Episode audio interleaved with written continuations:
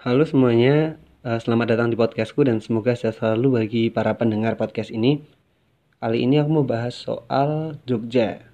Aku pernah dengar kutipan bunyinya kayak gini kalau nggak salah ya. Jogja itu tercipta dari rindu, pulang, dan angkringan. Nah, eh, siapa sih yang nggak setuju soal kutipan ini? Karena apa? Karena Jogja itu punya konsep yang lengkap dari bangunan peninggalan Belanda, terus candi-candi yang eksotis, terus juga warga-warganya yang ramah. Apalagi sekarang kan dikolaborasi dengan kafe-kafe kekinian ya. Mulai masuk ke sana. Dan anak mudanya itu sefrekuensi sefrekuensi sama kita. Uh, buat aku tuh kadang kalau ke sana ya males pulang ke kotaku lagi sih. Karena stay di sana dengan waktu yang lama pun aku bakal bahagia aku yakin. Karena di sana mungkin emang kota tempatnya mahasiswa mahasiswa ya. Uh, tempatnya yang asik.